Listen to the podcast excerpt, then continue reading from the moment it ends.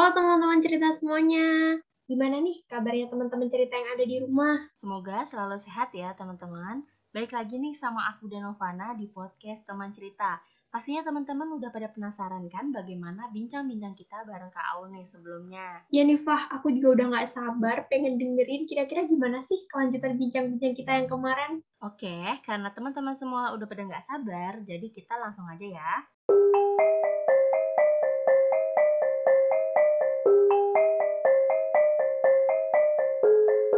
Tadi aku sempat bahas juga nih kak ya eh, tentang fenomena yang sempat aku temui di daerahku. Nah, ketika ada uh, suatu kecelakaan itu uh, berujung pada pernikahan gitu. Akhirnya solusi yang dipilih oleh uh, keluarga atau korban itu adalah untuk menikah gitu.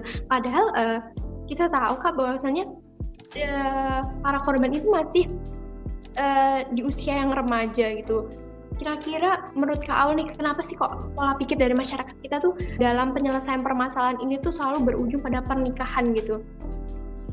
Oke, uh, aku izin sedikit menanggapi ya teman-teman. Hmm. Jadi uh, saya rasa emang betul bagaimana ketika kita melihat uh, teman-teman yang menjadi korban MBA itu seharusnya tidak dinikahkan karena beberapa alasan.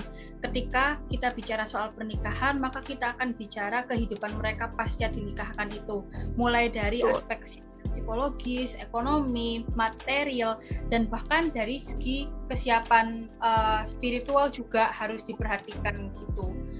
Karena uh, kita tidak memungkiri bahwasanya di Indonesia itu untuk menikah mereka itu uh, apa ya mereka masih sangat terikat dengan norma-norma agama gitu masih banyak yang kemudian uh, pada akhirnya menjadi beban mereka untuk dibuktikan semisal pada akhirnya ketika mereka sudah menikah nanti mereka akan ada pertanggungjawaban untuk kemudian oh kamu harus mendidik anakmu secara agamis agar nanti tidak jadi seperti kamu dan lain-lain sebagainya. Itu namanya prejudis dari masyarakat gitu sih kalau menurut aku ya. Cuman uh, ada beberapa alasan yang membuat aku uh, oke okay, itu make sense kalau pada akhirnya penyelesaian MBA itu adalah dinikahkan. Dengan kita melihat limitasi konteksnya adalah di Indonesia oke? okay? Jadi uh, apabila kita berpikir rasional pasti yang jadi pertimbangan adalah bagaimana kesiapan mereka secara material maupun secara psikis gitu. Tapi apabila kita kembalikan konteksnya di Indonesia, kita nggak akan lepas dari bagaimana norma-norma agama itu mengikat kita untuk menyelesaikan suatu permasalahan. Misalnya nggak cuma korban MBA aja, tapi korban pemerkosaan juga seperti itu. Bahkan dinikahkan oleh pelakunya. Alasannya adalah karena pada akhirnya kalau nggak dinikahkan nih anaknya itu akan jadi anak haram dan lain-lain sebagainya berbagai prejudis itu. Sehingga pada akhirnya keluarga itu nggak mau menanggung resiko itu akibat salah satu anggota keluarganya apalagi alasannya itu MBA untuk kemudian uh, apa istilahnya itu menanggung malu akibat mereka itu kayak nge, nge harm atau menghancurkan tatanan norma dengan perilaku mereka yang tidak menghargai norma-norma agama tersebut. Jadi penyelesaiannya juga pakai norma agama kayak gitu. Itu alasan yang pertama. Kemudian alasan yang kedua, kita di sini basisnya itu masih budaya patriarki, di mana pada akhirnya ketika seseorang seorang laki-laki dan perempuan ya kemudian melakukan uh, hubungan seksual sebagai uh, pelampiasan ekspresi seksual mereka untuk orang yang yang paling bertanggung jawab adalah laki-lakinya gitu. Karena pada akhirnya masyarakat kita itu kayak masih menganggap uh, hubungan seksual itu adalah ekspresi yang terbatas teman-teman. Itu yang harus kita catat. Di masyarakat kita kalian ngelakuin seks ngelakuin hubungan seksual itu tuh bukan ekspresi yang kayak uh, sebebas mungkin bisa kalian lakukan kapan pun, di mana pun dan siapa pun. Tapi itu adalah ekspresi yang terbatas dan dibatasi oleh institusi gitu. Di mana ketika ekspresi yang terbatas ini dilakukan, akan ada satu konsekuensi yang harus dipertanggungjawabkan, terutama pada sisi laki-laki gitu.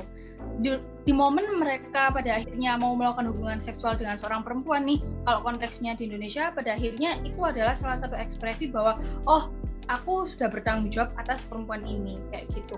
Jadi dari segi budaya laki-laki itu sebenarnya menurut aku kalau dalam penyelesaian MBA itu masih memiliki beban yang jauh lebih besar di tatanan masyarakat. Seperti misalnya lo harus bertanggung jawab lo harus nikahin si cewek itu kayak gitu. Jadi itu sih harmnya menurutku juga ada di laki-lakinya. Karena pada akhirnya kalau misalnya mereka dipaksa nikah yang jadi nafkah siapa gitu kan. Yang um, aku gini sih kenapa kemudian aku bilang yang disuruh cari nafkah siapa? Itu karena prejudis dari masyarakat kita sih. Kayak lalu udah ngambilin dia lalu udah nikahin dia pastinya harus kasih nafkah si cewek juga gitu. Tapi beban di sisi perempuan itu juga pasti banyak juga sih kayak misalnya stigma dia nggak bisa menjaga diri lah udah dirusak dan lain sebagainya. Tetapi harm secara material itu ada di sisi laki-laki yang dia memutuskan buat nikahin si perempuan ini.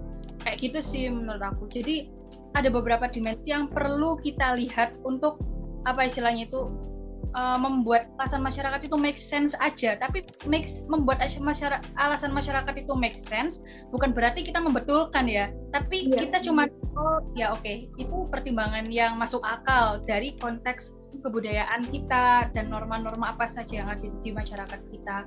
Kayak gitu sih kalau menurutku. Terus ada satu alasan lagi ya. Jadi uh, saat ini aku rasa di konteks Indonesia ya institusi pernikahan itu adalah salah satu institusi yang benar-benar menjamin kamu, menjamin siapa pun itu, terutama perempuan nih, agar dia itu bisa merasa lebih aman. Karena pernikahan itu terikat hukum gitu ya teman-teman. Bayangin aja ketika mereka nggak dinikahin gitu ya, mereka nggak dinikahin. Artinya um, si perempuan ini tuh nggak akan punya kayak semacam uh, alat hukum untuk menuntut si eh, laki-laki uh, itu buat bertanggung jawab atas anaknya. So menurutku um, terkadang itu juga bisa menjadi opsi. Dari segi konteks kebudayaan kita. Asalkan ada yang namanya konsen dari mereka berdua yang akan dinikahkan gitu. Kita sedang bicara MBA bukan berbicara soal, soal pemerkosaan ya. Kalau soal kalau case-nya adalah pemerkosaan itu saya bold nggak setuju. Karena pada pada akhirnya sama aja kayak kayak kalian menikahkan kriminal dengan korbannya gitu kan. Tapi kalau MBA itu case-nya bisa jadi ada peluang mereka sama-sama mau, sama-sama concern, sama-sama tahu resikonya apa gitu kan. Jadi uh, menurut aku masih make sense untuk dipertimbangkan mereka bisa menikah atau tidak. Kayak gitu sih. Itu beberapa dimensi yang sempat aku sadari ya ada di konteks masyarakat kita karena ya kita masyarakatnya masih memandang uh, hubungan seksual, pernikahan itu adalah ekspresi yang cukup terbatas dan uh, pada akhirnya kalau misalnya itu dilakukan sebebas mungkin itu bakal ngeharm uh, apa ya konteks norma sosial yang berlaku di kita saat ini kayak gitu sih. Oke, okay. jadi kalau bisa aku highlight nih dari uh, tanggapan Kak Aul tadi itu ada beberapa hal gitu yang mempengaruhi kenapa sih pola pikir masyarakat kita ini. Salah satunya karena dari eh, mungkin uh, tidak terlepas dari nilai dan norma yang mungkin sangat kental ya di Indonesia khususnya itu nilai agama yang mungkin menjadi uh, salah satu uh, cara untuk menyelesaikan permasalahan itu balik baliknya ke agama lagi. Dan juga ada budaya patriarki gitu yang masih kental di Indo di apa? Di Indonesia gitu. Dan di sini tuh kayak uh, per, eh laki-laki tuh uh, dari segi material tuh harus menanggung beban yang lebih gitu ya dan juga selain itu ada institusi pernikahan yang kayak uh, bisa menjadi sesuatu hal yang bisa menjamin keamanan gitu dan uh, di selanjutnya ketika sudah ter sudah terjadinya kas, uh, kasus ini. Oke, Kak Awul. Uh, jadi aku mungkin mau menambahkan juga nih dari Kak Novana ingin meng-highlight juga dari perkataan Kak Aul sendiri bahwasanya ternyata uh, menarik uh, ternyata kalaupun MBA itu bukan berarti uh, bisa jadi keduanya itu mempunyai persetujuan dengan melakukan hal itu dan mereka tahu resikonya. Tapi memang terkadang uh, masyarakat masih menganggap kalau uh, MBA ini adalah suatu kesalahan yang murni perempuan yang uh, karena kamu nggak bisa jaga diri karena kamu nakal karena kamu uh, apa pergaulan bebas lah seperti itu. Jadi akhirnya terstigma kalau MBA ini sepenuhnya adalah salah perempuan gitu kan ya kak